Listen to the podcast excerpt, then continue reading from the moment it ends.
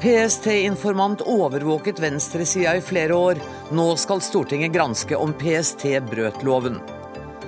Kvinner er mye tøffere enn før og trenger ikke egne kvinneorganisasjoner. Det mener Sandra Borch, som bl.a. vil legge ned Senterpartiets egen kvinneorganisasjon. Det er ikke legemangel her til lands, vi har for mange leger, mener tidligere redaktør av Legetidsskrift. Legeforeningen er ikke helt enig.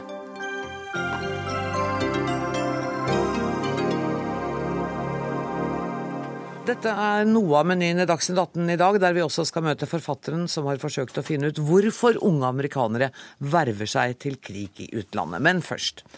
Vi kartla alt. Det hevdet en tidligere PST-informant i dokumentarprogrammet Brennpunkt på NRK i går kveld. Han siktet da til medlemslister og abonnementslister knyttet til organisasjoner på venstresida i norsk politikk. I nesten ti år har agenten overlevert informasjoner til PST, og Politiets sikkerhetstjeneste, ved operativ sjef Tore Risberget, gikk i går til det uvanlige skritt å bekrefte og kommentere en av sine hemmelige kilder. Vanligvis kommenterer vi ikke forhold til eh, kilder, eh, men i dette tilfellet har vi valgt å gjøre et unntak. Eh, han har vært en kilde for PST i mange år og har gjort en god jobb for oss i denne perioden. Elbjørg Løver, du leder Stortingets kontrollutvalg for etterretnings-, overvåkings- og sikkerhetstjeneste, eller EOS-utvalget, som vi vel kommer til å kalle det resten av denne sendinga. Ehm, så du Brennpunkt-programmet i går? Ja. Var du kjent med de opplysningene som kom fram der? Nei. Burde du ha vært kjent med de opplysningene som kom fram der? Nei, ikke nødvendigvis. Eh, det er sjelden vi går inn i enkeltsaker. Vi får informasjon om løpende saker, men vi går inn på eget initiativ og undersøker hva som er eh, gjort i ST fra gang til gang når vi er der. Er det en enkeltsak når vedkommende har drevet aktiv overvåking av eh, politiske organisasjoner på venstresida over så mange år? Det er en sak eh, for hvordan eh, denne overvåkningen har skjedd, og hvordan de har brukt denne kilden. Og det er det vi nå skal gå inn og undersøke. Hvis du ikke synes det var nødvendig at du var informert på forhånd, hvorfor finner dere da grunn til å gå inn og undersøke det nå? Ja, men Det er jo fordi at de påstandene som kom fram i programmet i går, etterlater et inntrykk av at det fortsatt foregår politisk overvåkning på generelt grunnlag i dette landet, og det kan vi ikke leve med. Så vi må inn og bruke den retten og plikten vi har til å undersøke saken i registrene og arkivene som finnes hos PST. I dag har PST gått ut og sagt at de ikke har mottatt noen lister, verken abonnementslister eller medlemslister, og derfor heller ikke har registrert noen medlemmer. Vil dere likevel gå inn og granske? Ja, det skal vi. Og det gjør vi på eget initiativ, og vi har allerede vært i kontakt med PST, så det kommer vi til å gjøre så fort det er praktisk mulig. Ble du overrasket over noen av de opplysningene som kom fram i programmet i går? Ja, for så vidt. Men eh, de er jo ikke verifisert annet enn at det er eh, vedkommende kildes eh, påstander. Og PST har jo tilbakevist i dag, så får vi se hva vi finner. Eller om vi finner noe. PST har i dag tilbakevist påstander om at de har fått tilgang til abonnementslister og medlemslister, men de har ikke tilbakevist det faktum at vedkommende faktisk arbeidet for dem. Snarere tvert imot, det ble bekreftet i programmet. Hvor vanlig er det at PST bekrefter og kommenterer sine egne kilder? Nei, Det sa vel representanten representant for PST selv, at det er uvanlig. Hva syns du om det? Nei, jeg må bare ta til etterretning det de sier. Og for EOS-utvalgets eh, del så deltar vi ikke i vanlige diskusjoner om det som foregår i PST. Vi melder til Stortinget gjennom en årlig årsmelding som leveres til kontroll- og konstitusjonskomiteen. Og det er vår form for kommunikasjon eh, til Stortinget. Hva skal til for at dere skal kunne si at PST har brutt loven? Hva er reglene på dette punktet? Hvis det kommer fram at eh, enkeltpersoner er registrert kun på grunnlag av politisk tilhørighet, og ikke med noen tilleggsopplysninger som kan eh, være retningsgivende for at de har noe ulovlig for det, så er det ulovlig, og da skal de ikke registreres. Og vi kontrollerer like mye at det slettes opplysninger om mennesker som måtte finnes i arkivene, som om vi sjekker hvem som registreres. Det er grunn til å si at Dagsnytt 18 har invitert både PST og Justisdepartementet i studio i dag, men eh, ingen av dem hadde anledning eh, til å komme. Hallgeir Langeland, eh, hvordan reagerte du på det du fikk vite i går? Nei, jeg reagerte ganske sterkt. For det, det var en meget sterk historie vi fikk se på Brennpunkt, knytta opp mot PSTs arbeid med denne spesielle personen. Og der en altså bekrefter et samarbeid og der en òg er eh, helt klar over at en bruker denne personen som infiltratør, og samtidig òg kan se av det som vi ser av bildematerialet som vises, at han er veldig aktiv sjøl i demonstrasjonen, kanskje en pådriver til og med. Og Dermed så virker dette veldig rart på meg, at en, at en lar, seg, lar, lar han, PC bruke han i denne sammenhengen. Og jeg har jo òg hevda i tillegg at det har vært mitt inntrykk sjøl etter Lund-kommisjonen at en ikke har fokusert nok på høyresiden i norsk politikk. Og det surrealistiske skjedde jo 22.07. for halvannet år siden, der altså en høyrefascist gjorde det han gjorde. Og da samtidig du får historier knytta opp mot den, at en faktisk da leter etter terrorister blant uh, yrkesdemonstranter, da, for å si det sånn. Uh, og, uh, og ifølge informanten skal ha tilgang på lister for folk som abonnerer på tidsskrifter så er dette et skumle greier, syns jeg. Men du reagerer på mer enn dette med medlemslister eller abonnementslister. Du reagerer på at man overvåker demonstrasjoner. Men det har vel alltid vært gjort? Ja, det har det nok. Men her snakker vi om å infiltrere i demonstrasjoner og aktivt delta i demonstrasjoner og levere informasjoner til PST. Og det er for meg noe helt annet. Når politiet bruker dette over lang tid. Men jeg er veldig glad for det jeg hører fra Elbjørg Løver, for det var det jeg ønska meg i går, nemlig at EOS-utvalget må komme på banen og gå inn i den saken og sjekke den ut, sånn at vi får fakta på bordet og kan diskutere den ut ifra fakta. Eh, Elbjørg Løver, da må jeg spørre deg igjen også, bare for å få faktum på bordet her. Er det slik at dere også vil se på informasjonsflyten fra denne informanten til PST når det gjelder demonstrasjoner, planlagte demonstrasjoner og den type voldsbruk som vi så i TV i går? I tillegg til å se på den mulige politiske overvåkningen som, eh, som det er påstått at PST har gjort, så vil vi se på hvordan de har brukt denne kilden. Hans Frode Asby fra Fremskrittspartiet, dere er ikke så kritiske som eh, Langeland er? For det første så må vi jo ha klart for oss hva PSTs rolle er. og Det er jo å ivareta eh, vår sikkerhet og sikre vårt demokrati. Og Da bør det ikke være overraskende verken eh, for Langeland eller for andre at man følger med på de miljøer som til tider truer vår sikkerhet. Eh, og Det er jo ikke noe hemmelighet at miljøer som Blitz og andre venstreradikale miljøer har bidratt til stor samfunnsuro eh, i perioder. Og Derfor så, eh, så, er det klart at PST må følge med på disse eh, miljøene. Høyre radikale miljøer bør vel også tas med? Selvfølgelig, og det er jo ikke noe, eh, noe, hemmelighet at man også følger med på de miljøene. Og man har helt sikkert tatt betydelig lærdom etter 22.07-saken, hvor alt ikke fungerte som det skulle. Men uh, dette er uh, En banditt er en banditt, for å si det sånn, uavhengig om han hører til venstresiden eller høyresiden eller hvor han hører hjemme. Og Derfor så så er vi nødt til å følge med på alle disse miljøene. Og eh, Det er vel heller ikke noen eh, hemmelighet at PST bruker informanter og infiltører.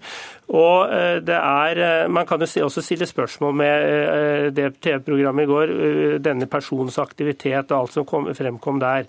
Men jeg regner med og forutsetter at PST har et et, eh, et eh, faglig eh, tilsnitt til dette, og, og vurderer eh, hvilke metoder man skal ivareta. Mener du at EOS-utvalget bør holde fingrene fra fatet og ikke granske noe? Nei, og det er jo EOS-utvalgets e oppgave. Det er jo Stortingets eget kontrollorgan for de hemmelige tjenester.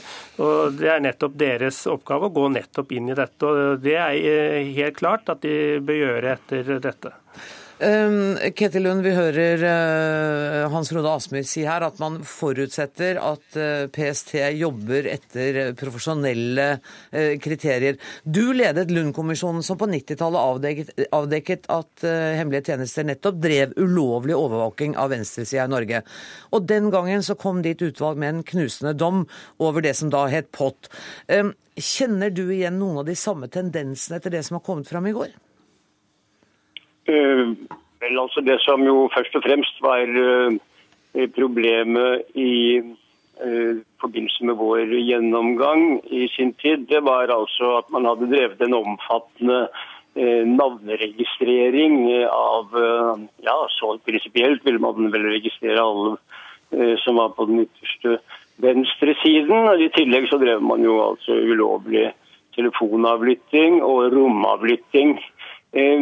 Jeg vil ikke si i og for seg at dette har noen direkte parallell, men jeg tror jeg vil peke på at uh, altså det å aktivt infiltrere politiske miljøer og politiske organisasjoner med en angiver uh, over meget lang tid, det er et enormt inngripende virkemiddel å ta i bruk eh, mot disse organisasjonene og deres eh, liv og virke.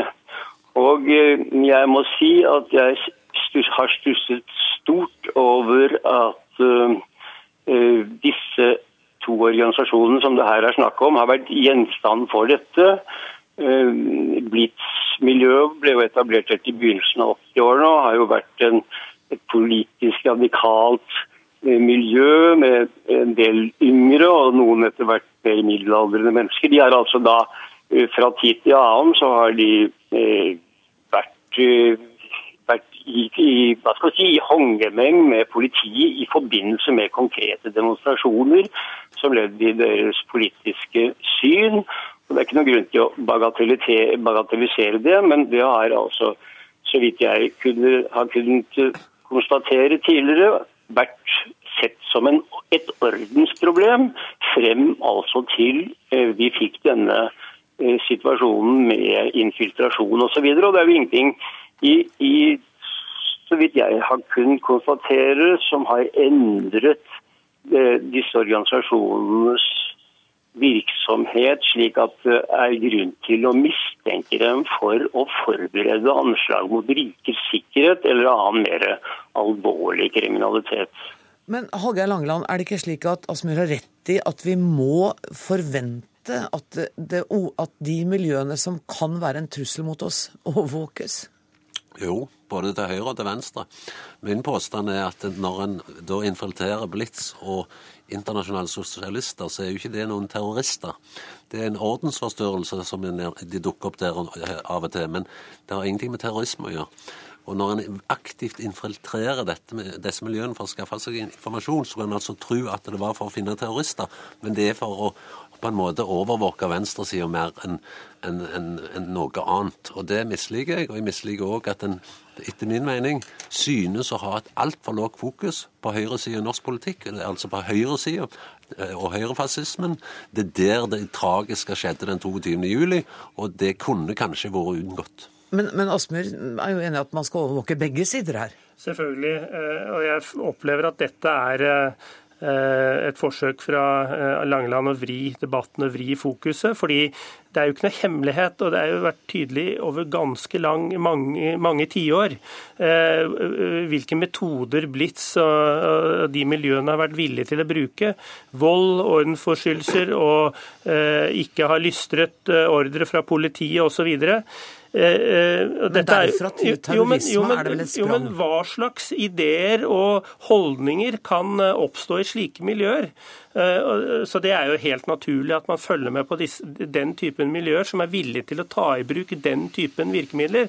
Og Det er jo ingen av oss her som vet hva som kan gro fram med den typen miljøer. og Derfor så er det betryggende, syns jeg, på samfunnets vegne, at PST har hatt et øye med disse. Nå må vi høre hva Ketil Lund. Ja, la meg få lov til å si en ting her. altså. Dette man må huske hva dette er for slags virkemiddel. Det er jo et, et minst like inngripende virkemiddel som å ta i bruk telefonavlytting f.eks. Det er bare at man har ikke altså hatt samme fokus på det i forbindelse med lovgivning. Det er altså et ekstremt inngripende virkemiddel. Og det, må, det skal jo stå i forhold til det skal jo stå i forhold til hva man ønsker å oppnå. Og hva er det man ønsker å oppnå? Jo, man har ønsket å oppnå, så vidt jeg kan forstå, å få en større hva skal si, oversikt over demonstrasjonsplanlegging og sånne ting i første rekke. Og det er ikke et Det er jo ikke et eh, hva skal si, et formål som er altså en slik art at man bør kunne bruke slike virkemidler. Og eh, det er derfor all grunn til å stille spørsmål med hvor, hvor, hvordan man vurderer denne type innsats. Mm. Dette er jo også snakk om, som Langeland sa, en person som altså selv har kanskje vært til og med en pådriver for, for, den, type, uh, for den type vold som Asmyr her mm. snakker om. Men det vet vi altså ikke. Jeg må, jeg må gå til slutt til deg, Elbjørg Løver. For noen av de spørsmålene som Ketil Lund her nevner, er vel de dere kommer til å uh, reise også under granskingen. Jeg må bare spørre deg, Hvor lang, lang tidsaspekt har dere på dette arbeidet som står foran dere nå? Nå har ikke utvalget kunnet møttes. Vi har avklart eh, saken i dag på, på, annen måte. Og vi har hatt kontakt med PST og vil så fort det er mulig og praktisk mulig få gjennomført dette. Men noen tidsfrist kan jeg ikke gi deg nå. Snakker vi om årevis, eller snakker vi om noen måneder? Nei, nei, nei. nei. Og vi skal, eh, vi skal nå innen 1. april levere vår årsmelding eh, for 2012 til eh, Stortingets presidentskap og kontrollkomiteen. Og da vil vi ta fatt på dette ganske fort etter. Da regner jeg med at vi snakkes ved i den forbindelse. Tusen takk til dere alle sammen. Elbjørg Løver, leder av EOS-utvalget, Hallgeir Langeland, stortingsrepresentant for SV, Hans Frode Kielland Asmyr, medlem av justiskomiteen, og Ketil Lund, tidligere leder av Lund-kommisjonen.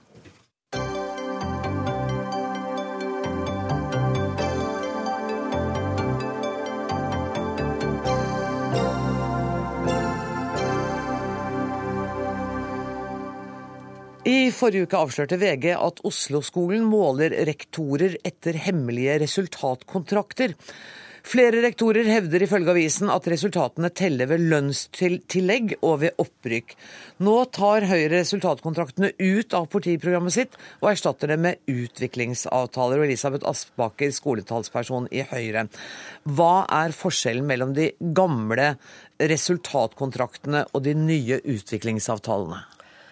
Altså, Vi ønsker utviklingsavtaler i skolen som følger utviklinga i skolen som skole over tid, eh, og ikke et instrument som er ene og alene nærmest basert på rektors eh, prestasjoner, eller hvordan rektor da følger opp sin skole. Så dere har rett og slett forandra litt mening? For Nei, du var her i oktober så var det veldig mye snakk om nettopp at man skulle telle karakterer, man skulle vise til resultater. Det, altså, var ikke noe kritikk fra min side, jeg bare spør. Nei, altså Man gjør my veldig mye bra i Oslo-skolen, men på dette punktet så mener jeg kanskje de har gått litt vel langt i å gjøre disse avtalene detaljert. Og Vi har sett rundt i Skole-Norge og sett til hva andre Høyre-kommuner gjør. Og Vi har funnet en eh, mal fra Stavanger som vi mener er veldig hensiktsmessig, som vi har diskutert. Vi er midt i en programprosess, og vi mener faktisk at det er hensiktsmessig at skoleeierne har en form for utviklingsavtale med sine skoleledere, hvor man følger opp eh, leseutfordringer, hvor man man følger opp mobbeutfordringer, hvor man følger opp eh, etter- og videreutdanning for lærere osv. på skolen. Så, så det er viktig at skoleeieren har et, et godt grep om rektorene sine i forhold til hvilken rolle de spiller på sine skoler. Men å gjøre den så detaljert som man har gjort i Oslo, og henge den så mye på rektor alene, det tror vi kanskje ikke er veien å gå. Nei, Så det, det vil ikke lenger bare være snakk om å telle de beste karakterene og, og eh, de beste resultatene på nasjonale prøver? Man vil ha en mye mer helhetlig vurdering, er det det du sier? Ja, altså Vi kommer ikke fra sentralt hold til å lage en ferdig mal på det. For vi har stor tiltro til at lokalpolitikerne er i stand til å finne gode løsninger for sin skole. Det har man gjort allerede mange plasser. Men vi tror det er et hensiktsmessig verktøy å ha en sånn utviklingsavtale. Husk på det. Kommunene i dag er pålagt at de en gang i året skal ha en sånn tilstandsrapport om skolen, hvor kommunestyret diskuterer. Og da tenker vi at det er et veldig, det er et veldig hensiktsmessig neste steg da at man nedfeller det kommunestyret er enig i om er viktig for å videreutvikle skolen, i sånne utviklingsavtaler med den enkelte rektor. Elisabeth Dale, statssekretær i Kunnskapsdepartementet. Du er SV-er, og er du fornøyd nå etter at du hører hva Aspaker mener med denne nye avtalen? Jeg er veldig fornøyd med at Elisabeth Aspaker og Høyre nå ser ut til å ha skjønt eh, problemene med Oslo-skolen. Er vi ferdige her, da? Kan dere gå hjem, liksom? Er, Ja, da er alle enige? Ja, da, da håper jeg, og at de setter, vedtar dette og, og setter kraft bak eh, sin egen politikk. Fordi det vi er urolig for, det er det vi ser i Oslo eh, på mange områder. Og det er den veldig resultatfokuset på et ganske smalt område, som setter ganske sterke eh, et veldig sterkt styringsverktøy for hva skolen skal jobbe med. Dette var litt sånn politikerprat. Når du sier smalt, så mener du at det har vært for mye fokus på karakterene? Det er veldig mye fokus på det som er lett å måle, eh, og det er viktig. Det er viktig å jobbe godt med lesing, skriving og regning, og det er Oslo-skolen flinke til. Men det lærere og rektorer har meldt ifra om i mange år, det er at dette er med på å innsnevre skolens mandat. Det er et smalt kunnskapssyn, og det har òg da ligget til grunn for hvordan eh, Oslo kommune har styrt overfor sine egne skoleledere gjennom disse ledelseskontraktene. Men nå sier jo Og Høyre der- at de vil ikke gå inn og detaljstyre kommunene. De, ikke sant? Du sa det, Aspaker. Du vil ikke gå inn og si til, Høyre at sånn får nei, til Oslo at sånn får de ikke lov å gjøre det. Nei, eh, vi mener at en del av det lokale selvstyret også som skoleeier, at de må finne ut hvordan, hva slags resept, hva slags oppskrift som er best for deres skole. Men jeg er veldig glad for at statssekretæren nå anerkjenner mye av det gode arbeidet som gjøres i Oslo-skolen. Men jeg er litt overraska over at ikke regjeringa tar flere grep i forhold til å få på plass det Høyre nå foreslår, denne type utviklingsavtaler. For nå har vi masse forskning som viser at faktisk skolelederen gjør en forskjell. Altså hvor dedikert skolelederen er, hva slags utdanning skolelederen har, er viktig for å kunne være en god pedagogisk leder, og for å kunne være en god veileder for kollegiet i skolen. Men jeg oppfatter ikke at regjeringa har tatt noen nye grep. Man har lent seg tilbake på noen rektorutdanninger som kom under den forrige regjeringa, men man har ikke tatt de nye nødvendige skrittene for å holde trykket oppe. For vi ser jo at norsk skole har mange forbedringspunkter fortsatt. Men Elisabeth Dale, dere høres ut som dere er enige i målet her. Kunne regjeringa tenke seg å gå det skrittet videre og få til denne type avtaler? da? Vi er opptatt av at skoleeiere har tydelige forventninger til sine skoleledere, og har enten utviklingskontrakter eller ledelseskontrakter. Det som er viktig her, det er hva som er innholdet i kontraktene, og er det jo hvordan blitt bruken er av det. Nei, det er jeg ikke så helt eh, sikker på om vi er enige. Det er derfor viktig at det blir en åpenhet om de ledelseskontraktene eller utviklingskontraktene som blir brukt. Nettopp fordi at det er ikke bare myndighetene som her har en interesse av å se hvordan en skoleeier styrer skolen. Men du, Er vi nå ved elefanten i rommet? Er det, er det hemmeligholdelsen som er ditt hovedankepunkt? At disse kontraktene har vært hemmelige? To, to ting eh, er jeg opptatt av. og Det er at det må være en åpenhet om kontraktene. Disse har vært hemmeligholdt. Derfor så vet eh, lærere, eh, foreldre, elever lite om hva som er de politiske føringene for hva som skal være innholdet og premissene for skolens arbeid. Dette må det være åpenhet om. Men det har jo Fylkesmannen i Telemark i hvert fall slått fast, at Ja. det er ikke noen grunn til å hemmeligholde Nei, disse. sånn at da har vi lagt ferdig. Og som nummer to så er det da hvordan ledelsesinnholdet innholdet i ledelseskontraktene. Da at de reflekterer det brede mandatet og helheten i hva som er skolens oppdrag.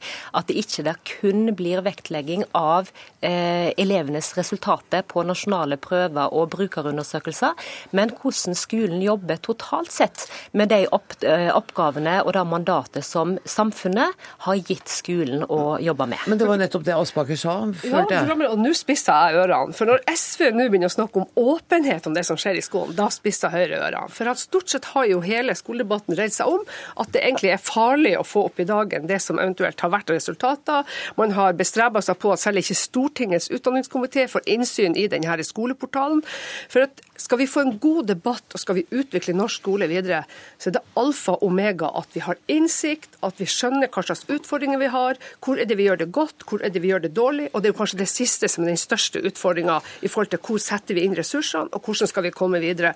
Så når SV nå tar til, tar til orde for åpenhet om dette, så må SV samtidig også ta til orde for åpenhet på de andre områdene hvor man Men du stort er sett har lagt enig i at utviklingsavtalene skal være åpne? Ja, de skal være kaldåpne. De er viktige for den offentlige debatten rundt skolen, at vi har mest mulig innsikt i skolen for å kunne gjøre forbedringer i skolen. Holdåpne avtaler, og ø, kontraktene skal handle om mer enn det resultatorienterte. Syns vi kom langt der. Tusen takk for at dere kom. Eh, Elisabeth eh, Aspaker fra Høyre og Elisabeth Dale, statssekretær for SV.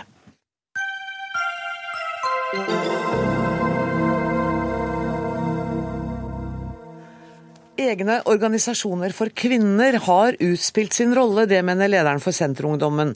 Senterpartiet er i dag det eneste partiet med en egen kvinneorganisasjon. Men nå bør organisasjonen fra 1962 legges ned, mener altså du, leder i Senterungdommen, Sandra Borch. Hvor populære ble du i dag, da? Nei, eh, i, Det er jo Senterungdommen som har tatt til orde for det her. fordi at vi, iallfall unge kvinner i Senterungdommen, føler på en måte at vi er kommet inn i en ny tid, hvor vi, vi føler at det er en reell likestilling i politikken, og at vi har akkurat like muligheter som det menn i politikken har. Så vi ser ikke noe behov for en egen kvinneorganisasjon. Men men er det noen fra moderpartiet som har ø, vært kritiske til ø, utspillet deres i dag? Det er jo alltid noen som er kritisk, og Senterkvinnene er jo kritisk. Eh, Det er det. Men jeg, jeg mener det er reelt å ta debatten, og jeg syns vi bør ta debatten i Senterpartiet. Jeg ser ikke behovet for å ha Senterkvinner eh, som egen organisasjon i partiet lenger. Men du går jo skrittet lenger, for du mener jo egentlig at vi ikke har behov for disse rene kvinneorganisasjonene, og at de i hvert fall ikke bør få støtte. Det gjelder Ottar, det gjelder kanskje Kvinnesaksforeningen, jeg vet ikke hvilke andre kvinnesaks- eller kvinneorganisasjoner du mener. Mm. Nei, altså det jeg har tatt, eh, først må jeg si at kvinneorganisasjonene har hatt mye å si for kvinner i Norge. Men det er sånn som jeg sier at jeg, jeg syns vi er på en måte kommet inn i en ny tid nå hvor kvinner har eh, reell likestilling. Eh, og det er sånn som Jeg sier, jeg syns mange kvinneorganisasjoner i dag på en måte bare eh, er opptatt av godene til kvinner, men ikke pliktene. Vi ser det i kampen om kjønnsnøytral verneplikt f.eks. Eh, så jeg føler at mange av kvinneorganisasjonene i dag på en måte går for langt om at man på en måte egentlig snart har en litt omvendt likestilling på enkelte områder. Så når eh, vi i Dagsnytt 18-redaksjonen f.eks. ofte opplever at det er vanskelig å få kvinner til å komme i studio fordi kvinner enten ikke har de sjefsjobbene som er relevante, eller at de er forskere, men uh, lar kollegaene snakke, eller som tilfellet er, at politikerne ofte er menn. Er det da kvinnene som har seg sjøl å takke for den situasjonen? Nei, jeg, Så lenge kvinner og menn har de like mulighetene til utdanning, til å engasjere seg, så mener jeg at det er de beste personene som skal komme inn i, i f.eks. ASA-styrer og i politikken. Man skal ikke bli kvotert inn på grunnlag av kjønn. Det er de beste personene som skal sitte der. Og så er det jo opp til organisasjonene å bygge de her lederpersonene sine sterke eh, til å takle sånne type utfordringer. Sånn at eh, altså, kvotering, både moderat og radikal, er du imot? Ja, altså jeg mener jo det skal være en, en viss balanse, men jeg mener at det skal ikke være sånn på f.eks. ei valgliste at nummer én skal være mann og nummer to skal være kvinne. Det er de beste som skal stå på den, den lista. Man skal ikke bli kvotert inn på grunnlag av kjønn. Det er et slag mot likestilling, mener iallfall jeg. Leder i kvinnegruppa Ottar Ane Stø, hvordan var din reaksjon på forslaget fra Sandra Borch? Nei, Jeg syns det er veldig trist at uh, unge politikere ikke forstår uh, betydningen av uh, særegen kvinneorganisering. og jeg er veldig imponert over Senterkvinnene som har klart å holde en egen organisasjon innenfor partiet sitt så lenge, i en tid hvor andre partier har gått i motsatt retning og bygd dette ned. og Arbeiderpartiet som avskaffa sin kvinnebevegelse for en tiårs tid siden og har innført et løsere kvinnenettverk, f.eks ser jo nå at eh, kvinnene taper posisjoner eh, innenfor partiet. Og det er jo ikke sånn at historien heller går på skinner, og at nå har vi kommet så langt at her er det ferdig arbeid. Vi har et reelt likestillingsproblem i Norge i dag, og noen må organisere seg for å gjøre noe med det. Men er det ikke et faktum, jeg så deg en oversikt i dag som viser at antall medlemmer i f.eks. Ottar og andre kvinneorganisasjoner har sunket radikalt de siste årene. Så det betyr jo at unge kvinner som Sandra Borch føler at de har jo ikke behov for det. Eh, nå er ikke det tilfellet når det gjelder Ottar. Eh, vi okay, starta som en unnskyld. ganske liten organisasjon og har blitt større i løpet av de siste årene. Oh ja, beklager, da tok jeg feil der. Men dessverre så ser vi jo at alle typer interesseorganisasjoner i dagens samfunn får stadig færre medlemmer. Det er ikke noe spesielt for kvinneorganisasjonene, dette her. Og jeg syns jo at, at, det er synd. Altså Det er synd for kvinnebevegelsen at det ikke er flere som engasjerer seg, og det er synd i forhold til ja, miljøbevegelsen, antikrigsbevegelsen. For et demokrati er avhengig av at eh, man har et eh, sterkt sivilt samfunn, og at man har interesseorganisasjoner og pressgrupper som Men det er jo eh, ikke det Sandra Borch går imot. Du går jo ikke imot at man har interesseorganisasjoner? Nei, absolutt ikke. Jeg går imot at vi har altså, egne kvinneorganisasjoner. Det er jo kun kvinneorganisasjoner som da får støtte. Hvis man tar til orde for mannsorganisasjoner, så får jo ikke de støtte. Og vi har jo reelle problemer på mange valglister at vi er for mange kvinner nå. Så jeg mener jo at Iallfall der er den kommunen jeg kommer fra. Og eh, jeg står på andreplass på Troms Senterpartis stortingsvalgliste. Der er vi to kvinner er på topp. Så jeg mener at eh, vi er på tur eh, på rett vei, og vi er kommet veldig langt. Og jeg mener at den nye tida nå ikke har behov for egne kvinneorganisasjoner. Ja, nå er det jo ikke sant at ikke mannsorganisasjoner får støtte. Altså Reform ressurssenter for menn, som har som formål å synliggjøre menn som kjønn, får altså 10-11 millioner i året. Eh, og har massevis av ansatte for å drive menns sak, mens kvinneorganisasjonene i Norge får til sammen to millioner. Eh, og vi driver et stort og viktig arbeid for knapper og glansbilder allerede. Eh, og vi syns jo at det er viktig at man har en organisering, at det er steder hvor folk kan organisere seg, skolere seg, lære og argumentere. Eh, og hvor man kan drive med eh, politisk virksomhet uten eh, å nødvendigvis gå inn i toppsjiktet av politikken. En annen ting er jo at det er jo fremdeles slik at 83% av norske ordførere er menn. Og når Borch her representerer ordførerpartiet i Norge, så er det jo helt åpenbart slik at her har Senterpartiet en stor jobb å gjøre. Og jeg tror ikke at det er noe som kommer til å skje av seg selv. Mm. Der er, det er en utfordring, Borch. Ja, men samtidig så altså, Det er mange menn som også eh, trenger å lære seg å kommunisere og debattere. Det mener jeg at kvinner og menn godt kan gjøre i lag. Eh, og jeg tror også at menn og kvinner gjør hverandre sterkere med å være i samme forum. Jeg tror det bidrar til at vi får flere kvinnelige ordførere i Senterpartiet. Men samtidig så skal man ikke, være, man skal ikke bli ordfører på grunnlag av kjønnet. Det er den beste kandidaten som skal bli ordfører, uavhengig om man er mann eller kvinne. Og du er vel fornøyd så langt i dag, for at utspillet ditt har i hvert fall vakt debatt?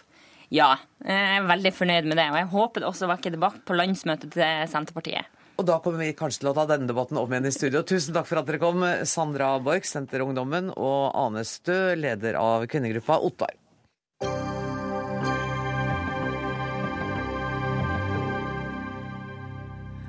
I snaue seks timer i ettermiddag er verdens mektigste kvinne i Norge. Den tyske forbundskansler Angela Merkel har møtt statsminister Jens Stoltenberg i ettermiddag, og vi skal snart høre mer om hvorfor hun er i Norge.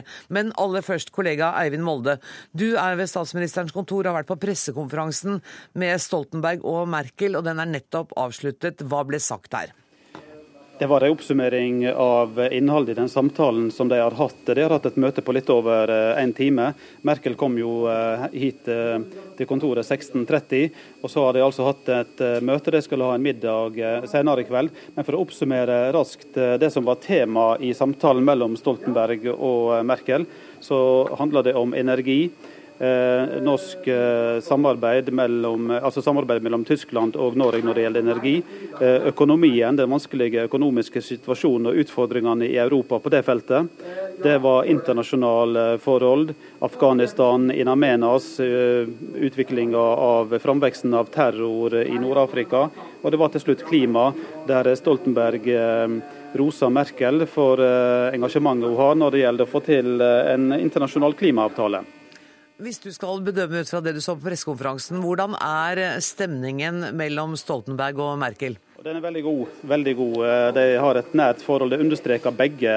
Eh, Stoltenberg la også vekt på det at de har utvikla et nært personlig forhold. Han roser henne for at hun har vært ofte her i landet. Hun åpna jo operaen i, i eh, Oslo. Hun eh, var ikke minst for to måneder siden og fikk fredsprisen sammen med de andre EU-landene. Hun, Merkel, Merkel sa at Norge er det viktigste landet blant ikke-medlemmene. Og det er kanskje fordi at Norge går så det griner økonomisk? Ja, og det er jo klart at det kan vel kanskje hende at både Tyskland og andre land har litt å lære av Norge når det gjelder akkurat det. Hva gjenstår på programmet før eh, Merkel reiser hjem igjen? Altså Nå eh, skal de ha en eh, arbeidsmiddag senere. og For å komme tilbake til litt det som går på energi, ja. så, så, vil det være et svært viktig tema der. Fordi at det er klart at altså, Tyskland er jo den viktigste kunden for Norge i dag når det gjelder salg av norsk naturgass. De kom inn på dette at nå skal mottaksanlegget for gass i Emden opprustes. Det skal bygges en eh, ny kraftkabel til Tyskland. Bare for å understreke eh, det tette samarbeidet og hva som skjer på det feltet. Men også i kveld om eh, en halvtimes tid så er olje- og energiminister Ola Borten Moe med. Tyske og norske energibedrifter er til stede her. Merkel kommer ikke alene, hun har representanter for næringslivet med seg. Hun er fra norsk side som møter Statoil, Statnett, Hydro og, og Statkraft for å diskutere utfordringer og samarbeid. Sånn at selv om ikke det ble annonsert noen konkrete ting innenfor dette feltet her på denne pressekonferansen i dag, så er det ingen tvil om at eh, den nære relasjonen Norge og Tyskland i mange år har hatt og har på dette feltet, og det nære samarbeidet da mellom Stoltenberg og Merkel, og det som skal skje i kveld, er med på å legge grunnlaget for ting som eventuelt senere kan materialisere seg i mer konkret form. Takk skal du ha, eh, kollega Eivind Molde, altså fra statsministerens kontor, hvor det nettopp har vært avsluttet en pressekonferanse. Ola Storeng, økonomiredaktør i Aftenposten. Eh, det er vel ikke helt tilfeldig at Angela Merkel er i Norge akkurat nå? Nei, det er nok ikke det. Det, nok ikke det. det har med gass og energi å gjøre først og fremst, sett fra tysk side. Det pågår egentlig tre små energirevolusjoner som, eh, hvor vi er involvert indirekte. Tyskland legger om fra atomkraft må finne erstatning for det. Satser mye på fornybar energi, men det er ikke nok. Og så er det en revolusjon i eh, USA hvor eh, man har fått masse kull til overs etter at man har funnet så mye billig gass. Og den sender man til Europa.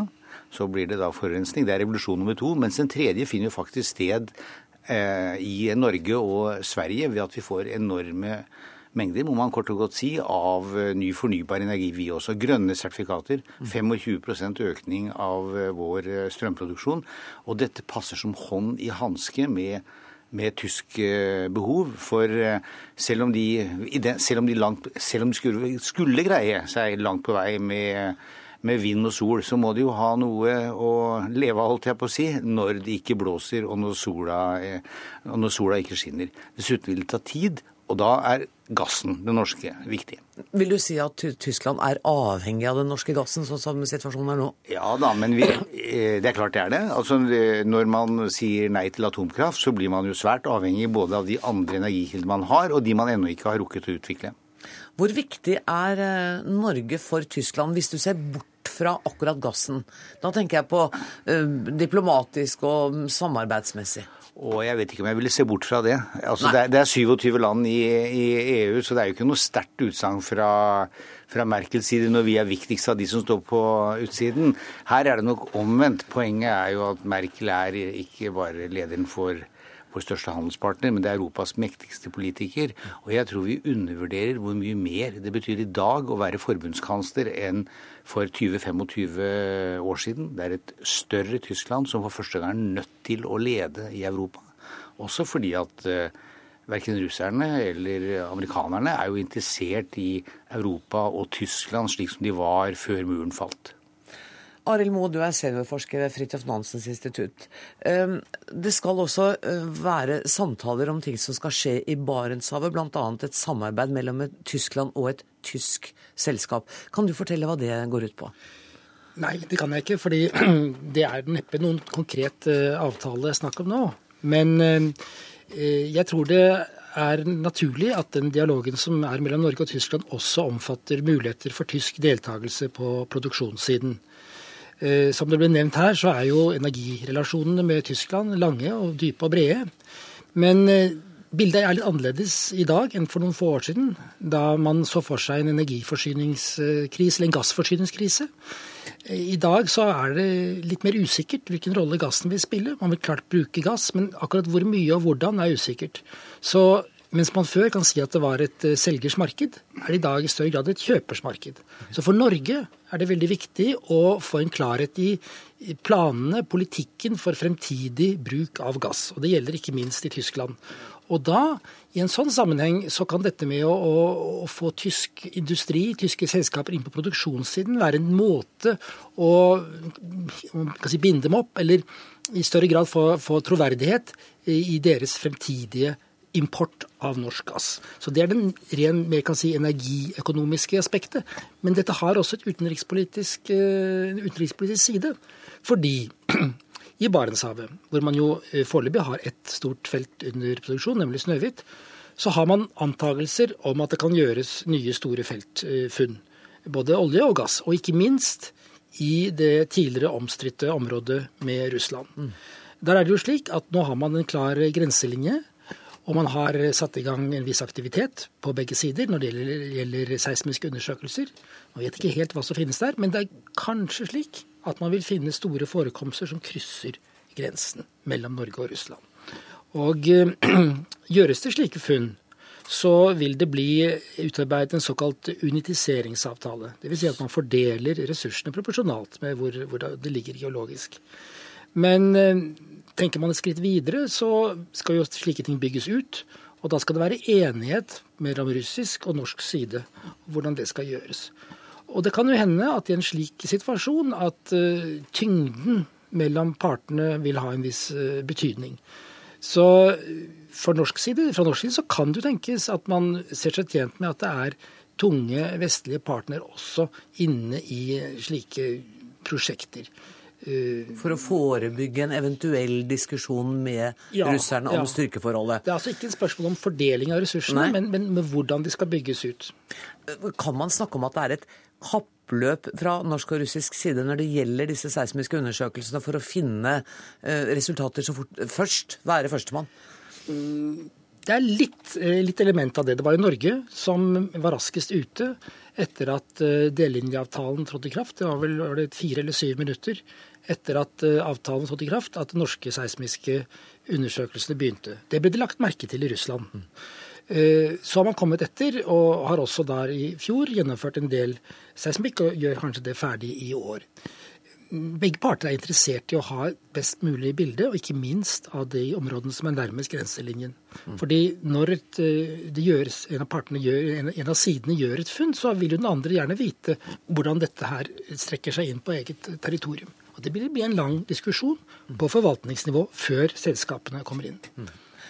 Ola Storeng, eh, jeg må også spørre. Altså, eh, Angela Merkel kommer til Norge to måneder etter at eh, nobelprisen ble tildelt dem. Norge har også fått et kontor i EU. Det har vi ikke hatt, og det har irritert bl.a. svenskene.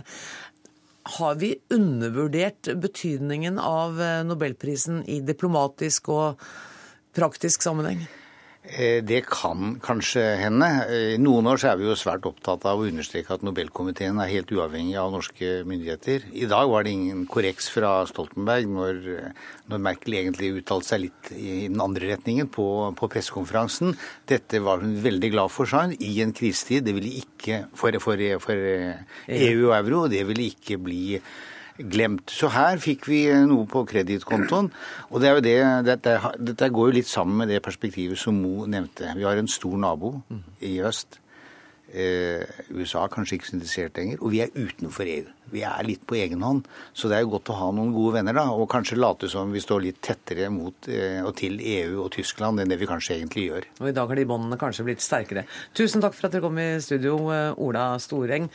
Eh, i Aftenposten, og Arild Moe, seniorforsker ved Fridtjof Nansens institutt. Hør Dagsnytt 18 når du vil, på nettradio eller som podkast. nrk.no – dagsnytt 18.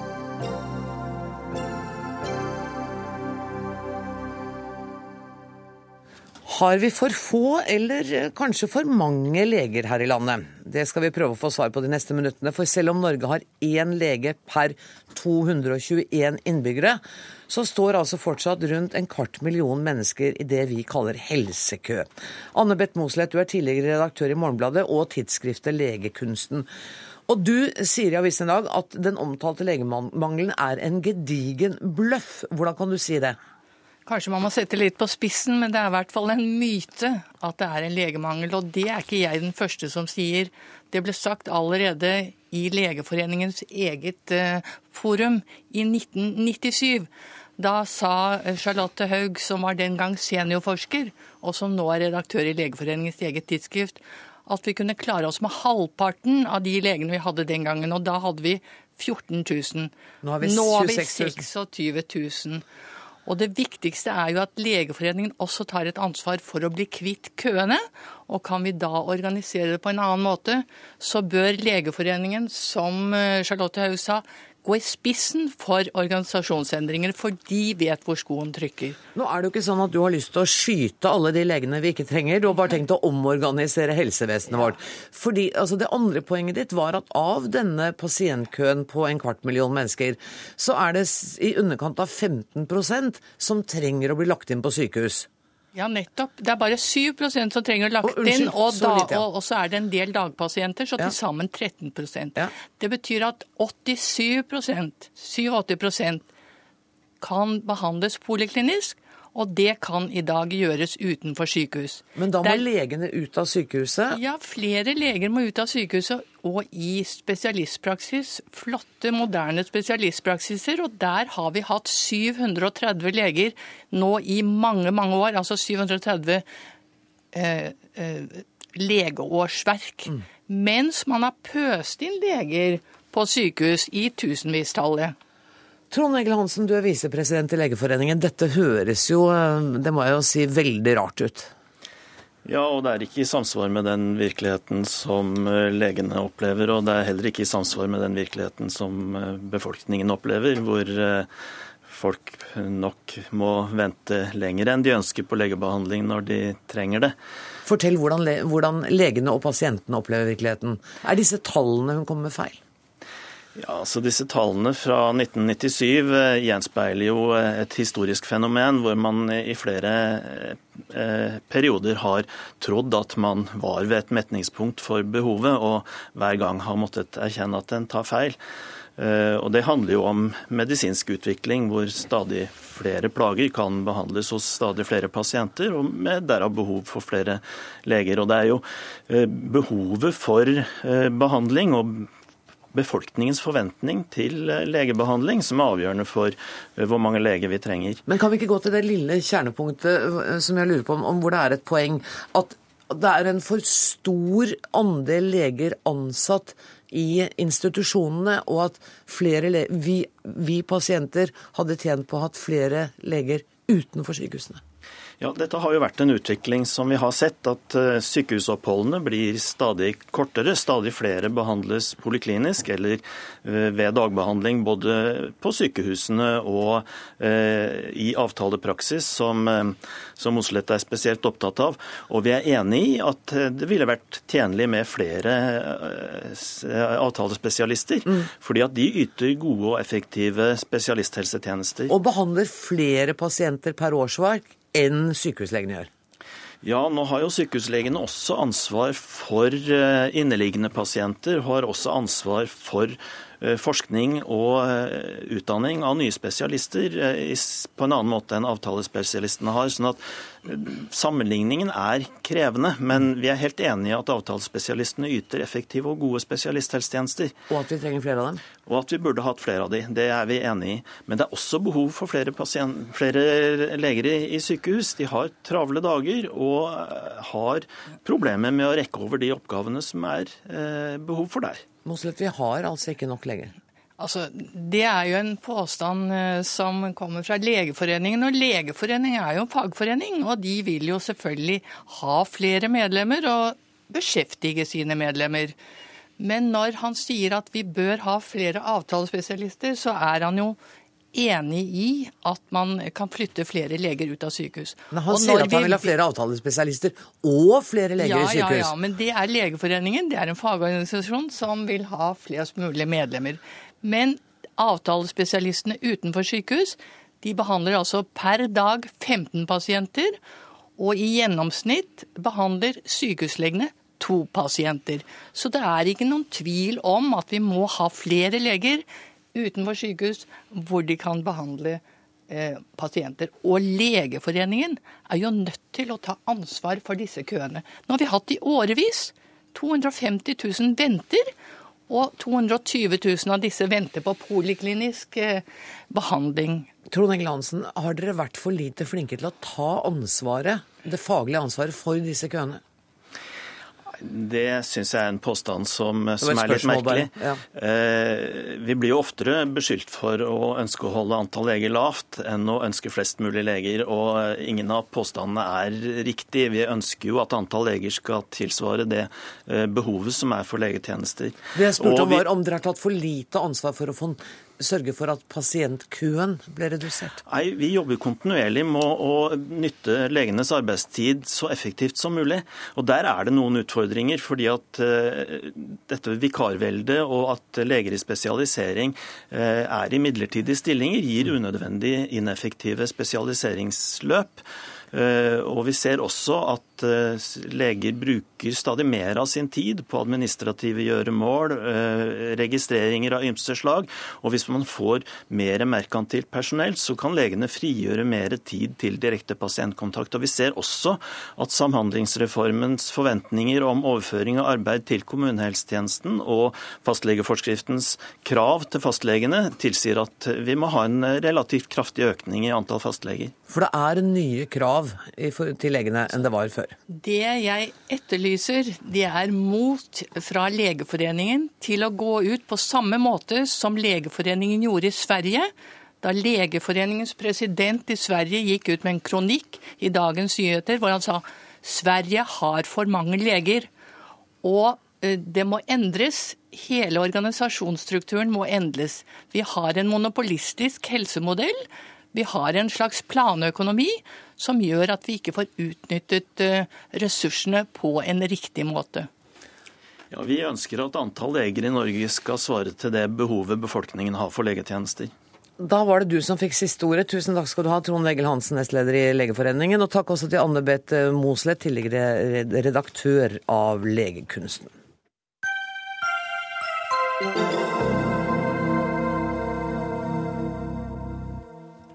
Hva er det som får unge amerikanere til å verve seg til militæret for å kjempe i land på andre kontinenter? Dette spørsmålet stilte den unge sosialantropologistudenten Sara Salame seg, og dro til USA for å finne svaret.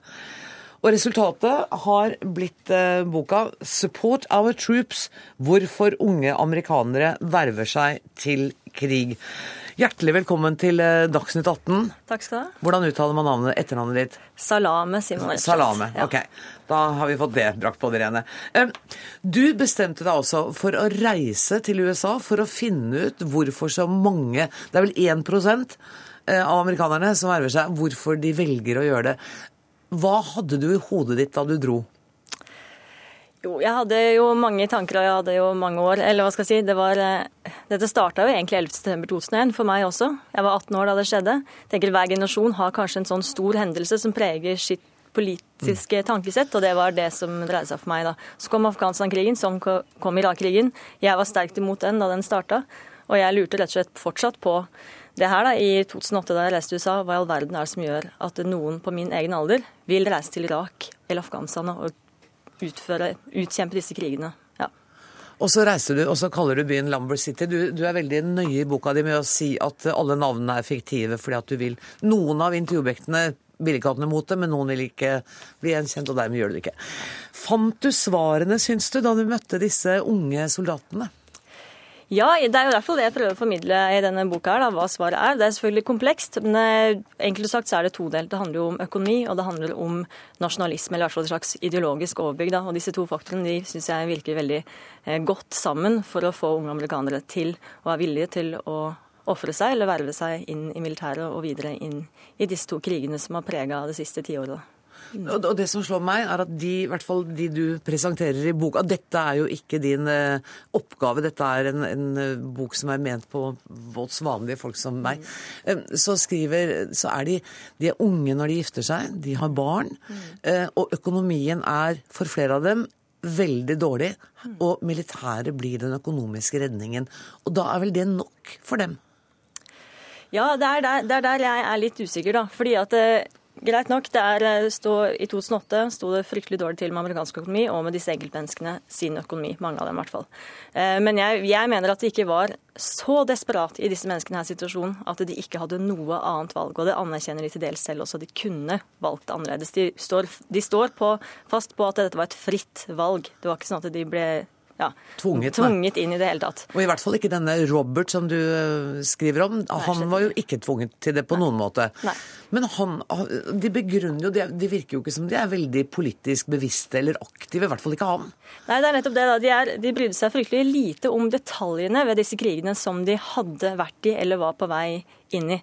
Det var mer det at de tenkte på overbygget, hvis jeg kan si det på den måten her. Da. Det, det var... de så på disse krigene gjennom en slags amerikansk linse, en amerikansk nasjonalistisk linse, og gjennom denne linsa så ble alle kriger uavhengig av hvorvidt altså disse masseødeleggelsesvåpnene i Irak fantes eller ikke, eller om hvorvidt begrunnelsene for å reise dit i utgangspunktet var gode eller dårlige, så ser de på det gjennom en slags amerikansk linse. Og der ser de at de har tilført demokrati til Irak. De mener at de har tilført frihet til det amerikanske folket. Og da blir den krigen grei nok for dem. Og da spiller det ikke noen rolle at man aldri fant masseødeleggelsesvåpen i Irak. Nei. Og så sier de jo, flere av dem, at de vil gjøre verden bedre. De vil hjelpe mennesker. Og det slo meg, det er litt pussig at du går i militæret fordi du er så glad i å ville redde mennesker. Ja, det er, i hvert fall et, eh, fra mitt perspektiv, eller kanskje et norsk perspektiv, så høres det rart ut. da, Men det var jo også ei jente som jeg skriver om. Hun sammenligner jo Fredskorpset og Hæren som nesten helt to identiske. Noe hun kunne valgt det ene eller det andre, og så ble det bare Hæren. Eh, og, og de tenker på ja, de tenker på Hæren som en slags veldig sterk faktor som kan hjelpe En sterk maskin som kan hjelpe andre mot et bedre liv. Da. At den, den kan er mer sannsynlig at Hæren kan frigjøre det irakiske folket, enn at Fredskorpset eller enhver humanitær organisasjon kan gjøre det. Det er deres holdning. Men så møter du også noen som er skuffet deg. En som kommer hjem og har eh, traumatiske opplevelser. Han har vært i krigen. Eh, dropper ut av noen møter i Nasjonalguiden som han skal på. Og dermed forsvinner også pengestøtten og støtten fra, fra Hæren. Ja, dette er jo et eh, hvis det har vært stort problem eh, de siste årene, og det har vært det også før, at denne velferdsstaten i staten svikter dem eh, hvis de selv ikke klarer å oppfylle alle på hærens eh, ønsker. Da. Hvis de ikke klarer å fullføre kontrakten sin, eller hvis de blir skada på en eller annen måte. Eh, og dette er jo en en stor debatt i USA eh, som er som pågår hele tiden. Men det skal understrekes at dette her går da på hvorvidt de har fått den økonomiske kompensasjonen eller helsekompensasjonen. Det dreier seg jo ikke om hvorvidt det var verdt eller ikke Nei. å kjempe i Irak. Det dreier det seg slett ikke om. Det er han soldaten fortsatt helt bevisst på, at han mener at det fortsatt var verdt det, men han vil ha pengene sine. Mm. Ja. Og rekrutteringskontorene fungerer jo som rene ja, PR-byråer for militære. militæret. Ja, det er fryktelig kommersielt. Dette eh, hovedrekrutteringskontoret i Lumber City, som jeg har kalt det, det lå jo midt inne i byens største kjøpesenter. Og det så jo ut som enhver annen butikk når de gikk forbi der. Det var store utstillingsvinduer eh, hvor det var masse, masse, forskjellig materiell. Det var bilder av tøffsoldater, det var også bilder av eh, veldig strigla mennesker som sto foran pene hus, og det sto sånn der 'fremtidig suksess begynner i hæren'. Det var også enorme sånne store sjekker som deles ut ved sånne seremonielle anledninger, hvor det sto summer fra 10 000 dollar til 90 000 dollar som går til utdanning da, til utvalgte sant, folk fra Lumber City som har verva seg eh, til hæren. Så det er fryktelig kommersielt. Når du valgte Lumber City, så var det jo fordi at der var det spesielt Du har fått vite at der var det ganske mange som vervet seg. Hva slags by er dette? Dette her er en by som ligger helt, helt eh, nord i Midtvesten, på vestsiden av Lake Superior. Det er mye norskamerikanere, finskamerikanere, og den der eh, den typen eh, folk. Det er eh, typisk blue color. Det er et samfunn som eh, har vært gruvevirksomhet. Det var derfor folk flytta dit utgangspunktet midt på 1800-tallet. Så var det Ford som kom innom en tur, og nå er det papirfabrikker. Så det er et industrisamfunn. Og det er ikke fryktelig rikt. Det inngår jo dette rustbeltet som man tenker på der nord. Mm. Ja. Følte du at du fant de svarene du lette etter? Ja, til dels. Men uh, jeg syns fortsatt det er så komplekst at jeg selv syns det er vanskelig å snakke om. Men, uh, men jeg fant, fant uh, Jeg vet mer nå enn jeg visste før, i hvert fall. Og vi vet for oss forhåpentligvis bitte litt mer nå enn vi gjorde før du kom i studio. Tusen takk for at du kom, Sara Salami, og boka heter altså 'Support the Troops'. Dagsnytt 18 er slutt for i dag. Ansvarlig for denne sendinga var Dag Dørum. Det tekniske ansvaret har Lisbeth Sellreite. Jeg heter Anne Grosvold og ønsker på gjenhør.